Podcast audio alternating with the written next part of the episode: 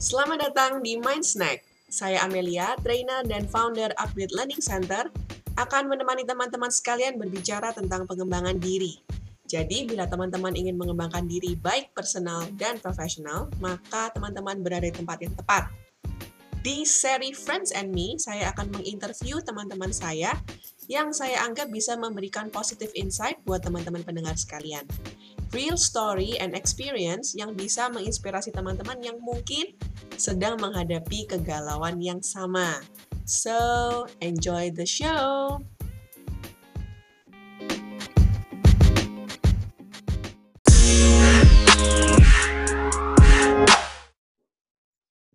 Oke, halo semuanya. Ketemu lagi. Hari ini saya ditemani oleh teman saya, namanya Miss Terry, Carolina Terry. Jadi Miss ini adalah seorang educator yang bekerja di Yayasan Sosial Suara Makarya Cipta Cemerlang, yang juga adalah provider untuk training dan workshop di bidang kepemimpinan. Saat ini, Miss Terry sedang mengambil program Master uh, Manajemen Persekolahan. Betul ya, Miss Terry? Bagaimana kabarnya? Halo. Kabar baik. Halo, Mel. Masih sehat-sehat di suasana working from home? Puji Tuhan sehat. Eh, udah melewati masa stres ya di awal-awal terjadi perubahan Yes. eh, gaya hidup ya. Perubahan gaya hidup. ini mulai ini mewabah gitu. Hmm, Nah, pas banget karena memang hari ini teman-teman topik kita adalah uh, bagaimana merespon di dalam sebuah perubahan gitu ya. Yang pasti namanya perubahan itu kan sesuatu yang sangat sulit dilakukan. Nah, hari ini kita mau tanya-tanya sama Misteri bagaimana pengalaman dari Misteri sendiri menghadapi perubahan dan kemudian nanti tips-tips buat kita-kita yang masih mager dengan yang namanya perubahan. Oke. Oke, Misteri. Uh, seperti yang kita semua tahu, kita semua sekarang sedang beralih ke orang-orang bilangnya new normal, yaitu sebuah cara hidup yang baru, mungkin lifestyle yang baru, yaitu bekerja nggak di kantor, bekerja di rumah mungkin, ada, tapi masih ada juga teman-teman yang kerja di kantor sih. Tapi Hmm. intinya ada perubahan. Perubahannya ini bukan perubahan yang kecil, tapi perubahan yang masif. Nah, Ya. per- berdasarkan pengalaman pribadi dari Misteri sendiri ini, uh, gimana menghadapi perubahan? Misteri termasuk orang yang mudah atau susah untuk berubah. Nah, dalam hal apa contoh-contohnya? Jadi sharing dong experience-nya. Silakan Misteri. Eh, sebetulnya ketika awal-awal masuk di perubahan gaya, gaya hidup ya lebih tepatnya, itu cukup mengalami stres. Bukan karena perubahannya, karena saya sebenarnya orang yang cukup mudah sih untuk menghadapi perubahan gitu ya. Nah, justru karena ketika perubahan itu terjadi, mengharuskan kita ya, sebagian besar kita ini harus stuck di rumah. Nah, Hmm. sehingga kondisi berubahnya itu menjadi lebih stabil, lebih konstan gitu ya. Maksudnya, Ah, I see, I see. ya saya suka perubahan-perubahan suasana juga salah satunya kan, di mana eh, perubahan suasana juga termasuk perubahan lokasi maupun eh, perubahan orang ya yang dijumpai. Jangan berubah pasangan ya, Misteri. Enggak, Iya. kalau itu enggak boleh hamil. Nah, jadi Oke. itu akhirnya karena kita ada yang namanya physical distancing dan kita harus stay at home gitu kan. Nah, itu yang cukup membuat stres sebenarnya sih. Hmm, Uh, jadi quite- ini ya apa kalau saya lihat berarti Misteri ini termasuk orang yang ekstrovert sebenarnya suka banget dengan perubahan mungkin Hmm. ruang yang baru nah tapi yang kali ini perubahannya justru me, apa ya maksudnya itu menaruh Misteri dalam kotak intinya harus lebih stabil lebih nggak ke mana-mana yang itu adalah justru perubahan yang uh, nggak mudah pada akhirnya buat Betul. Misteri gitu ya oke Betul. oke lanjut lagi Misteri uh, quite stressful for a week or two gitu ya. Dan karena kan akhirnya kita juga nggak ngantor, bagaimanapun kan uh, dari pimpinan juga menginstruksi ya kita taat pemerintah ya, gitu supaya uh, wabah ini juga nggak makin meluas gitu kan. Jadi uh, kegiatan-kegiatan yang biasanya kita malam masih ada meeting, ada training, ataupun kita ya bisa hang out ya sama teman-teman kalau weekend gitu kan. Mencoba yang baru misalkan gitu kan. Tapi akhirnya ya harus stay at home bener-bener stuck gitu kan di disangkar emas gitu kan. Karena home sweet home jadi ya disangkar emas. Tapi bagaimanapun akhirnya cukup bikin kaget karena uh, di masa awal-awal itu belum terbiasa dengan yang namanya meeting online. Terus kayak oke okay, selama ini misalkan di rumah baca buku uh, dengerin YouTube mungkin tapi akhirnya lama-lama cukup bosen ya karena interaksinya jadinya terbatas kan gitu. Padahal harusnya kalau kita bisa uh, waktu itu mungkin udah mengenal lebih banyak uh, sarana media online gitu ya atau mungkin hal-hal uh, yang sifatnya juga uh, ek, apa training atau equipping yang secara online mungkin jauh lebih uh, berwarna gitu loh hari-harinya. Nah, hmm. akhirnya tapi setelah lewat masa itu cukup bisa mencari cara sih cukup bisa cari cara untuk bisa beradaptasi dengan perubahan ini. Dengan karakter saya juga yang seperti ini, gitu kan. karakter yang seperti apa ini maksudnya, Nay? karakter yang cukup, uh, yaitu tadi ekstrovert, kemudian menyukai perubahan, gitu kan, dengan uh, tingkat aktivitas yang tinggi, kayak gitu. Saya cukup merasa stresnya karena rasa nggak produktif, gitu ya, selama hmm dua minggu pertama gitu kan kayaknya. Mm -hmm. Kayak kehilangan struktur gitu ya. Jadi kayak nggak tahu nih mau kerjain apa, mau dari mana. Terus kalau karena kerjaannya mungkin di training yang biasanya ketemu dengan orang-orang dan ada kelas-kelas, karena nggak ada kelas langsung berasa nggak nggak produktif. Itu tadi ya tantangannya. Oke mm. oke. Okay, Terus betul, gimana? Betul. Perjalanannya move dari minggu kedua ke minggu ketiga yang akhirnya sekarang udah sudah menerima the new lifestyle the new lifestyle ya. Walaupun tetap nggak berharap ini selamanya kayak gini sih, but at least uh, sekarang sudah bisa overcome dengan situasi ini gitu kan. Awal-awalnya tentu aja dengan mulai mengenal ini sejenis uh, kegunaan apa ya platform online seperti Zoom ya, ada juga yang lain kan, ada Line dan sebagainya gitu kemudian mulai belajar-belajar ternyata lewat uh, digital world ini pun kita bisa tetap berinteraksi, tetap juga bisa mengadakan training gitu.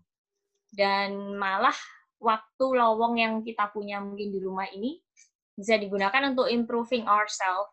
Awalnya itu ikut training kepenulisan punyanya uh, salah satu dosen UKPetra juga gitu kan itu uh, mengadakan training kepenulisan sebenarnya tiga hari sih. Setiap harinya tuh satu jam, satu jam, satu jam kayak gitu.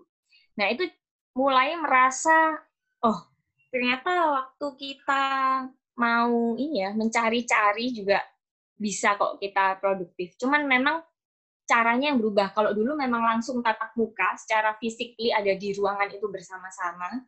Ya kali ini kita menciptakan ruang digital seperti ini ya dengan background-background yang kita bisa ganti-ganti ini kan. Tapi uh, penyampaiannya tetap bisa tersampaikan walaupun mesti banyak uh, modifikasinya ya pasti karena tidak sama memang tetap yang namanya langsung tatap muka dengan uh, melalui media digital seperti ini. Harus ada banyak uh, trik, ada banyak cara yang harus dimodifikasi juga, diubah juga sih. Nah, dari situ akhirnya iya, iya, iya. mulai oke, okay, ada banyak hal yang bisa saya kerjakan gitu. Terinspirasi juga dari teman-teman sekitar termasuk Amel sendiri gitu kan mengadakan uh, sharing-sharing online kayak gini kan cukup menginspirasi gitu. Ya, ya, ya. Jadi langkah awalnya setelah uh, satu minggu mungkin kayak ini ngapain gitu, harus apa gitu ya. Terus kita mulai pelan-pelan mencoba Eh, hal-hal yang baru yang ternyata setelah kita coba satu kali, dua kali, tiga kali, eh oke okay juga gitu ya. Dan memang hmm, benar, benar. Uh, ada banyak waktu-waktu yang pada akhirnya kita bisa atur sedemikian rupa sehingga kita bisa dapatkan uh, waktu-waktu untuk kita secara khusus self improvement gitu ya. Hmm. Benar, benar. Karena mungkin di awal-awal kita mengira ah ini akan berlalu ya setelah seminggu dua minggu gitu. Eh ternyata. tapi ternyata ternyata sampai sekarang gitu Ya, benar banget, benar banget. Ya udah waktunya kita menerima kenyataan Betul. bahwa uh, kita harus juga move on gitu. Kita juga Hmm. harus berubah gitu ya. Saya Benar, benar. pertama kali waktu uh, PS bukan belum PSBB ya waktu itu ya, belum ditetapkan PSBB tapi sudah sudah semi lockdown, Hmm. sudah work from home, itu juga beberapa hal itu saya masih pegang. Maksudnya ah entarlah kita kan balik lagi, nggak usah Iya. ngapa-ngapain dulu gitu ya. Eh, Iya. ternyata satu minggu dua minggu nggak bisa nggak bisa kita uh, stay in the uh, old uh, old way gitu sementara dunianya Benar berubah gitu jadi memang kita Nah, putuskan untuk menerima bahwa ya memang keadaan berubah gimana lagi have to accept dari betul, betul. Mungkin ya. penerimaan itu bentuk kesadaran awal ya. Hmm, hmm, hmm. Dari menyadari dulu bahwa ya udah ini keadaan dan kita harus berdamai dengan kondisi yang ada saat ini gitu kan. Beri, beri- langkah berikutnya adalah kita harus beradaptasi, ya kan? betul banget Beradaptasi dengan eh, kondisi yang seperti ini gitu. Iya, tadi kata-katanya powerful banget ya teman-teman. Yang pertama kita harus berdamai dulu dengan keadaan. Memang kalau selamanya kita kayak nggak enak, itu nggak enak, meeting online nggak enak, di rumah nggak enak, mengeluh terus, atau kita nggak berdamai dengan keadaan yang baru, akan makin sulit kita untuk uh, move on to the next step, yaitu untuk kita beradaptasi. Seperti itu, ya kan? Betul, betul. ada ada ini nggak misteri cerita-cerita khusus dari uh, proses dari misteri sendiri untuk berdamai dengan keadaan dan melangkah ada ada nggak oh awalnya sempat nggak ini kemudian apa gitu nggak your your own personal experience Eh, awal-awalnya sih ketika ada kalau kita bilang eh, kalau kita bilang mungkin mentoring online bersama-sama kayak gitu ya. Hmm, Nah, dari situ saya juga menerima cukup banyak cerita dari orang-orang teman-teman yang lain gitu kan. Bahwa mereka pun mengalami kondisi yang sama gitu loh. Quite stressful, quite shocked.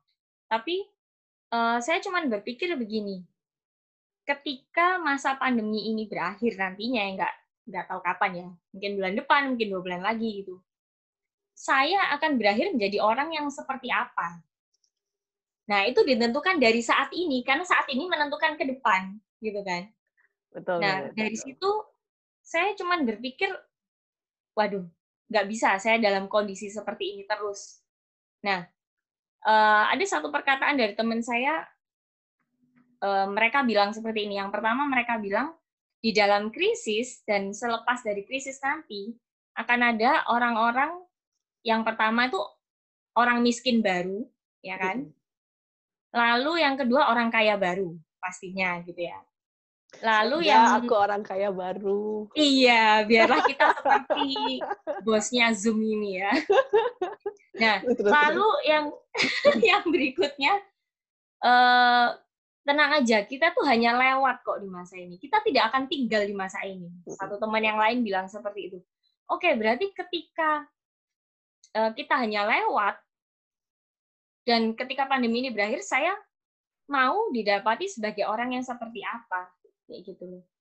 Saya mau tetap produktif, saya mau justru semakin improve, atau saya didapati menjadi orang yang panik, pasif, lalu jadi apa ya malas gitu kan mungkin karena banyaknya waktu luang sebenarnya kan kalau kita boleh uh, ngomong kayak gitu.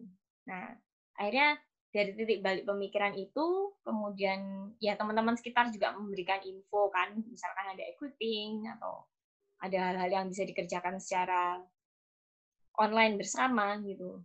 Nah dari situ ya udah why not gitu kan. Ya. Kuliah pun sekarang online juga sih semuanya ya kayaknya. Iya, iya, iya. Pada akhirnya pun uh, bahkan perkuliahan pun juga harus move on dengan uh, sistem yang baru seperti itu. Mm-mm. Oke. Betul betul. Tapi itu tadi bagus banget. Yang pertama reaching for your support system gitu ya. Memang di dalam perubahan, di dalam krisis itu kalau kita punya support system itu kita akan jauh lebih kuat, akan jauh lebih uh, bisa mengambil keputusan dengan lebih baik karena banyak kepala gitu. Apalagi menghadapi krisisnya bareng-bareng gitu. Jadi bisa belajar Hmm. bareng gitu ya. Jadi Hmm. support system itu penting banget. Memang masa-masa ini apalagi kita dipaksa untuk tinggal di rumah, justru kita makin memerlukan support system gitu ya. Jadi Ya. Saya percaya nggak punya nggak hanya untuk orang-orang ekstrovert, orang-orang introvert pun kalau dikurung di dalam rumah mereka juga nggak tahan pasti gitu ya. Iya, kadang kita kan semua perlu. makin ngelempem kayak kerupuk ya. Oke, tadi saya dengar istilah nggak bisa apa-apa kayak kentang, yang ini kayak kerupuk. Aduh, memang memang yang pertama support system perlu penting banget uh, untuk untuk kita bisa pertama kali kita bisa reach out help dari support system hmm. itu. Hmm. Kemudian yang kedua tadi seperti yang Misteri sharing kan, memang pada akhirnya kita juga harus mikir nih, saya selesai pandemi ini mau jadi orang yang seperti apa gitu, sama atau malah makin turun atau malah makin naik gitu ya. Dalam artian mungkin kita yang sudah terlena dengan uh, lifestyle yang baru, terlena dengan bangun yang siang gitu ya, mungkin tidur makin malam, terlena dengan uh, kondisi di rumah, akhirnya kita akhirnya makin turun atau kita mau jadi makin baik gitu melihat waktu-waktu yang kita punya untuk kita terus meningkatkan diri. Saya punya hmm. satu tadi tadi pagi sih, tadi pagi itu mama saya sharing satu video. Nah, kalau hmm. biasa ya orang tua sharing video di grup kan kita anak-anak pasti jarang lihat. Karena rata-rata video-videonya nggak terlalu penting gitu. Nah, tadi pagi itu mama saya tuh beneran suruh kita lihat gitu. Lihat, lihat, lihat, lihat gitu ya. Akhirnya ya udahlah dilihat lama lagi 10 menit. Cuma yang saya mau highlight adalah di ujung akhirnya uh, video itu bilang begini. Di akhir masa pandemi akan banyak orang-orang kreatif yang bermunculan. Kenapa? Ya, Karena orang-orang ini selama masa pandemi mereka terus mengembangkan diri sehingga waktu ya. mereka selesai, wah mereka benar-benar jadi top deh gitu. Nah, tinggal sekarang kita mau jadi orang yang yang seperti apa? Mau menjadi orang yang seperti itu juga atau menjadi orang yang uh, tadi ya kebingungan terus hmm. bingung masuk masa pandemi selesai pandemi bingung juga gitu ya yeah. Lost direction gitu atau malah kita makin turun. Memang benar banget. Ya benar banget Mel. Karena uh, justru di masa-masa ini kan kreativitas sangat diperlukan ya untuk melewati masa-masa di rumah saja ini gitu. Dengan mungkin dulu gampang banget kalau kita perlu fasilitas apa pun kita bisa keluar keluar gitu aja kan. Tapi kalau di rumah ini bagaimana kita bisa memanfaatkan fasilitas yang ada misalkan dari rumah? Pasti kreativitas dibutuhkan banget. Nah daripada melewatinya hanya dengan berkeluh kesah eh, ngomel-ngomel atau meratapi nasib gimana kita bisa melewatinya dengan lebih survive ya yuk kita kreasi sesuatu aja gitu kolaborasi juga oke okay banget kan. Gitu. Kayak kita hari ini kolaborasi. Iya. Iya iya iya memang benar juga situasi ini akhirnya memaksa memaksa kita jadi lebih kreatif gitu ya. Jadi hmm. Saya sebagai seorang guru kalau dulu waktu ngajar di kelas uh, hampir semua yang saya cari bisa saya temukan di sekolah. Betul. Kids dan lain-lain sudah ada gitu. Tapi karena kita sekarang terbatas di rumah, akhirnya kita mikir nih, apa yang kita bisa manfaatkan gitu ya. Atau kita jadi hmm. belajar, platform apa lagi ya yang bisa mungkin uh, meningkatkan interaksi dengan uh, peserta walaupun secara online, seperti itu ya. Yeah. Jadi kita nggak melihat keterbatasan akhirnya ya gimana lagi online nggak bisa gitu ya. Tapi kita melihat keterbatasan sebagai uh, pemacu untuk kita berpikir atau bertindak lebih kreatif. Gitu ya Misteri betul. Betul. Ya ya. Dan, dan lebih bagus lagi kolaborasi memang, juga bagus ya. Iya kolaborasi justru sangat menarik ya di waktu-waktu kayak gini. Karena kan interaksi akhirnya lebih banyak kalau selain dengan orang serumah ya interaksi akhirnya lebih banyak dengan platform-platform online kayak begini gitu kan. Dan mungkin bisa ya justru kan tidak terbatas ruang kalau lewat platform online gini kan gitu. Betul banget. Malah kita bisa ketemu yang jauh yang dulu janjian hmm. sulit nggak bisa ketemu. iya benar banget. Karena, karena sekarang semuanya oh, mau hari apa terserah deh bisa terus. Sampai kadang lupa oh ini hari Selasa iya. ya? Iya Bener banget. Ternyata kamu juga mengalami hal yang sama ya. Karena kelamaan di rumah. Sampai nggak tahu nih hari apa gitu. Kalau dulu iya. kan masih ada hari Minggu, oh hari Minggu ke gereja. Sekarang juga nggak ke gereja, jadi kayak semua hari sama semua gitu. Benar, benar. Alarm yang paling menyelamatkan ya. Tulis di agenda. Tapi it's a good point. Memang ini waktunya untuk juga kita berkolaborasi gitu ya. Karena hmm. kita jadi nggak terbatas waktu uh, paling nggak kita di rumah sih, jadi kita kan bisa lebih atur waktu kita, nggak terbatas dengan jarak, karena akhirnya ketemu online bisa dilakukan. yang sebelumnya yeah. sulit kalau harus ketemu karena mungkin lokasinya yang berjauhan. Uh, sekarang jadi nggak terbatas, nggak terbatas ruangan juga gitu ya. Jadi bisa kapan aja bertemu. Nah itu kita juga bisa harus uh, lihat itu sebagai sebuah potensi untuk kita lakukan sesuatu yang lebih positif dan lebih produktif gitu ya. Bisa berkolaborasi atau bisa belajar. Sekarang belajar dari luar negeri juga gampang banget. Nggak perlu keluar negeri itu buka laptop aja bisa ketemu dosen mancanegara gitu ya. Uh, komunitas dan lain-lain juga kita bisa datang ke banyak komunitas karena sekarang komunitas semua juga pada goes online gitu. Ya betul. uh, yang bisa dimanfaatkan dari situasi ini gitu ya. Nah boleh tanya lagi nggak ini, Lestari kan uh, juga mentor nih di tempat pekerjaannya, di tempat pelayanannya. Ada nggak mengalami apa namanya? Maksudnya ada ada ada cerita nggak anak didiknya yang mungkin susah move on gitu, susah berubah gitu, dan dan how uh, step by stepnya bisa melalui masa perubahan itu tadi. Uh, sempat juga mengalami uh, dari kelas offline ya, kelas yang biasa gitu kan, menjadi kelas online gitu. Nah itu sempat juga uh, yang susah move on ini berharap kelasnya nanti saja menunggu pandemi ini berakhir. Nah sementara kapankah uh, kondisi seperti ini bisa benar-benar uh, diakhiri itu kita nggak bisa menebak kan, hmm. karena pemerintah pasti punya penelitian sendiri, punya pertimbangan sendiri yang jauh lebih luas daripada kita masyarakat yang hanya mungkin berkecimpung di area yang sempit aja gitu kan. Nah, akhirnya ada yang lumayan banyak sih, hampir 40% ya, menganggap bahwa kelas online tuh nggak perlu gitu karena uh, daya sentuhnya kurang, karena kuota, susah sinyal dan semuanya kayak gitu kan. Takut ngantuk lah apa kayak gitu kan.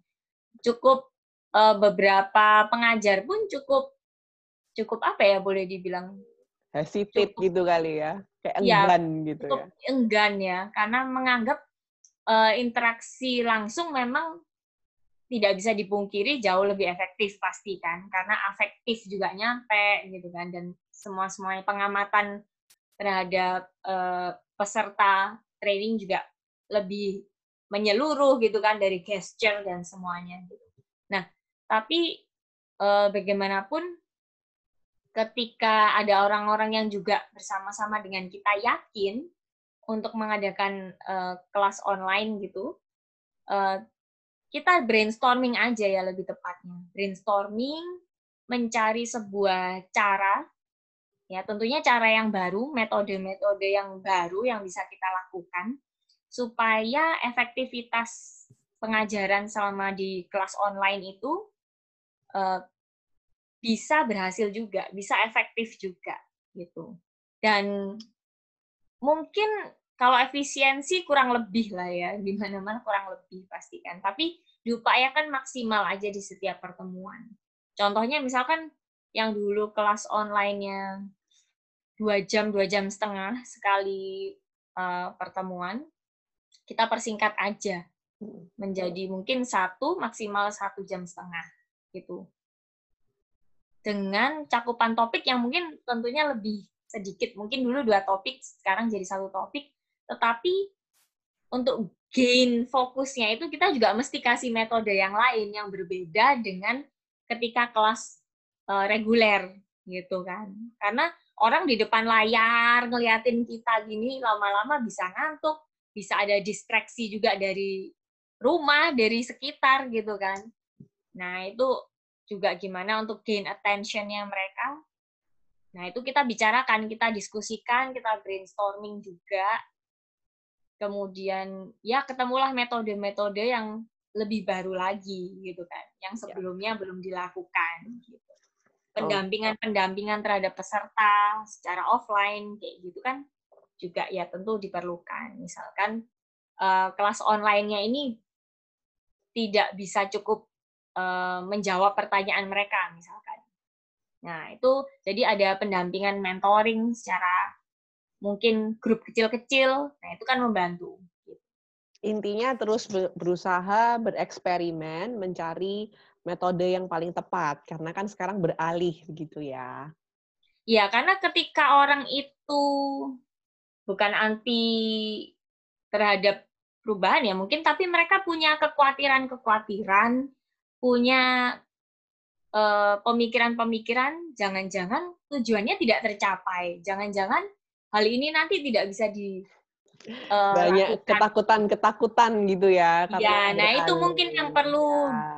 Dibicarakan ya, didiskusikan uh, dalam ya brainstorming session itu tadi. Apa sih yang jadi ketakutan? Oh ini oke, okay. kalau mau mencapai itu gimana? Ada cara lain nggak kalau kita bisa lakukan secara online? Nah, seperti itu kan lebih tepat.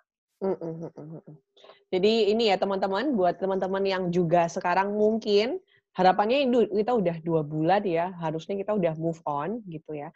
Cuma kita perlu refleksi lagi yang adalah apakah move on kita ini ke new lifestyle atau new normal kita ini membawa kita menjadi pribadi yang lebih baik tadi ya atau sama aja atau bahkan lebih uh, lebih turun daripada sebelum masa pandemi. Dan salah hmm. satu caranya tadi yang misteri sharingkan di bagian terakhir adalah jangan takut mencoba hal yang baru gitu ya. Komunikasikan tadi sekali lagi dengan support system. Punyai support system gitu karena kita sedang menghadapi krisis ini bersama-sama, kita nggak sendirian gitu ya. Jadi kalau Anda seorang pekerja, Anda mungkin punya teman-teman pekerja lainnya yang juga menghadapi kondisi yang sama, tapi mereka adalah orang-orang yang positif, orang-orang yang membangun, jadikan mereka support system Anda gitu. Kalau Anda guru, hmm. ya punyain support system guru-guru yang juga menghadapi masalah yang sama. Dan bisa brainstorm setelah itu ya masalah apa yang dihadapi, kendala apa yang dihadapi baik dalam kerjaan maupun juga secara personal gitu.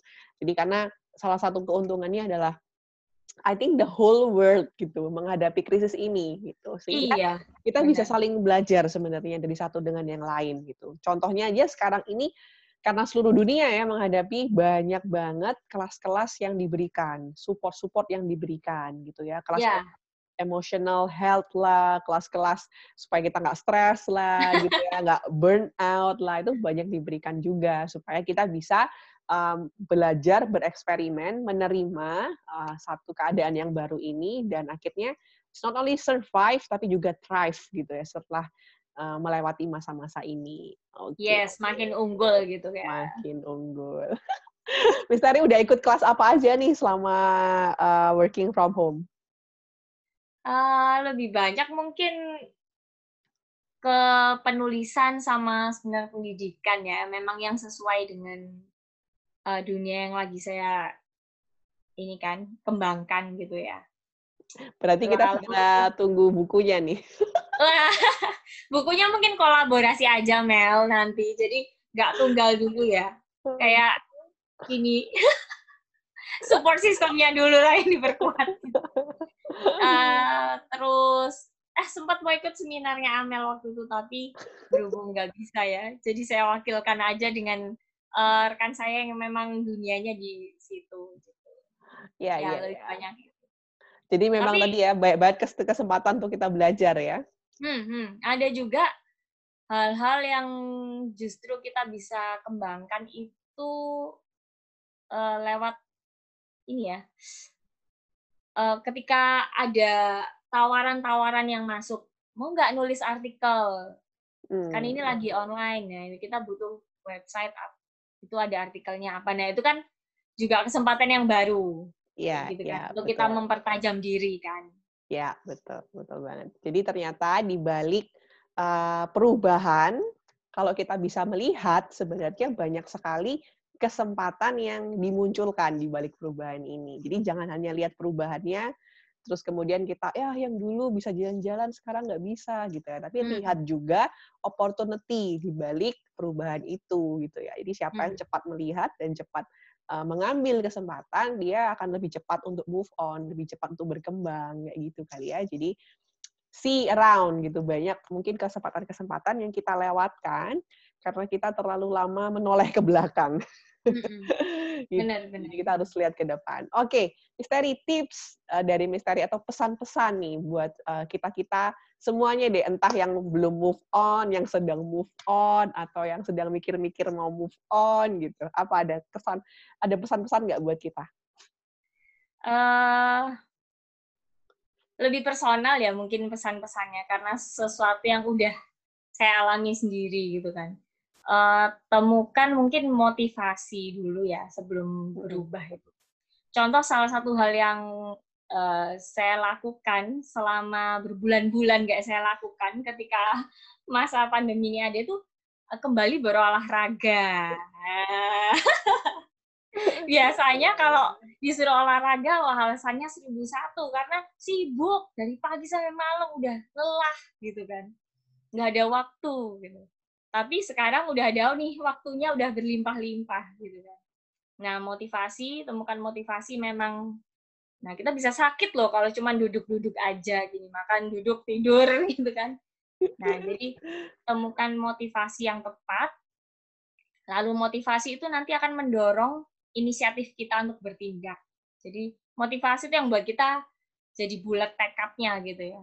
Lalu nah itu akan mendorong inisiatif kita untuk uh, bertindak sih. Kayak aduh, masa uh, masa pandemi gini-gini aja. Aku nanti akhir pandemi mau jadi orang yang gimana ya? Nah, itu kan motivasi aku harus didapati jadi orang yang lebih unggul, lebih produktif misalkan. Nah, itu motivasi. Lalu tindakannya itu apa? Itu mulai, inisiatifnya mulai ada Nah, jadi uh, dari situ temukan motivasi supaya timbul inisiatif. Nah, yang berikutnya uh, tips dari aku tuh simple yaitu orang harus bisa beradaptasi. Karena yang bertahan hanyalah orang yang bisa beradaptasi sih. Gitu. Kalau tidak bisa beradaptasi, pastilah termakan evolusi ya, musnah jadinya nanti gitu. Jadi harus punya kemampuan untuk beradaptasi dalam segala uh, keadaan yang terjadi, terutama kalau ini kan lagi global banget. Jadi kemampuan adaptasi itu menentukan banget untuk kita bisa uh, bertahan bahkan meningkatkan diri. gitu. Betul banget, betul. Jadi uh, tadi ya teman-teman pesannya adalah temukan motivasi, jangan sampai kita tadi ya, jangan sampai kita kayak meme-meme meme yang beredar di apa Eh, Instagram gitu. Selesai pandemi rambut gondrong, jam bangun, gendut gitu ya. Eh, obesitas. Kaum rebahan gitu ya. Karena hasil rebahan makan duduk, rebahan makan duduk gitu ya siklusnya. Jadi uh, mau jadi seperti apa nih selesai kita dari pandemi? Nah itu biarkan itu menggerakkan kita untuk mengambil inisiatif dan hmm. mengambil tindakan gitu ya. Sekali lagi jadi pesannya juga bagus banget. Temukan orang-orang atau support system yang bisa membuat kita juga terus berkembang, terus maju, uh, terus mengembangkan diri. Nah, dan hmm. pesan yang terakhir, memang it's not the smartest or the strongest that will survive, but the one who was the most adaptable itu yang memang bisa survive. Memang bukan kepintaran lagi, bukan kekuatan, kekayaan karena toh semua orang menghadapinya. Hmm, tapi benar. siapa yang paling cepat beradaptasi, siapa yang paling cepat lihat opportunity itu yang nanti akan bertahan dan bukan hanya bertahan tadi ya, justru makin berkembang gitu. Jadi wah pesannya buat kita semua, semoga di akhir pandemi nanti kita waktu lihat-lihatan sama yang lain, wah kamu makin keren, makin sehat deh kayaknya gitu. Amel makin terkenal ya? di YouTube Amin. gitu. makin kinclong nih, soalnya kan soalnya kan nggak keluar di jalan gitu, nggak oh, iya. Jadi mukanya bersih terus. makin kinclong gitu ya, makin makin uh, seger, makin pinter, makin kreatif. Nah harapannya kita keluar jadi orang-orang yang makin bertambah baik daripada sebelum uh, masa-masa lockdown. Oke, okay. thank you Miss Terry buat sharing-sharingnya. Thank you uh, banget buat kesempatannya. Ya, buat semua ceritanya, kisahnya, termasuk tips-tipsnya itu juga sudah uh, memberkati kita semuanya. Sudah, sudah jadi satu tips-tips yang bagus buat kita semua yang dari masa juga ada di masa-masa perubahan ini. Hmm. Uh, tadi ya kita nggak tahu sampai kapan nih teman-teman, sama-sama masih belum pasti. Uh, mungkin banyak yang beredar, oh bulan Juni kita udah buka, oh bulan Juli kita uh, udah kembali normal. Tapi sekali lagi semua itu juga masih belum pasti karena kita memang berada pada sebuah situasi dan kondisi yang kita tidak bisa kendalikan gitu kan. Tapi satu hal yang kita bisa kendalikan adalah diri kita sendiri. Nah itu makanya kita yeah. mulai dari let's start from ourselves gitu. Jadi stop blaming the situation stop blaming the condition apalagi blaming government gitu ya tapi yuk kita mulai berinisiatif proaktif paling enggak dari diri kita sendiri gitu ya yeah. Yeah. Thank you Miss Tari buat waktunya. Thank you sudah sharing-sharing juga. Uh, thank you so much. Semoga nanti kita bisa ada sesi yang lebih rame-rame lagi. Sure, ditunggu pastinya lebih seru kalau bisa ngobrol ya. Ya, rame-rame. Oke. Okay. Sip. Thank you, Misteri. Thank you. Bye-bye. Bye.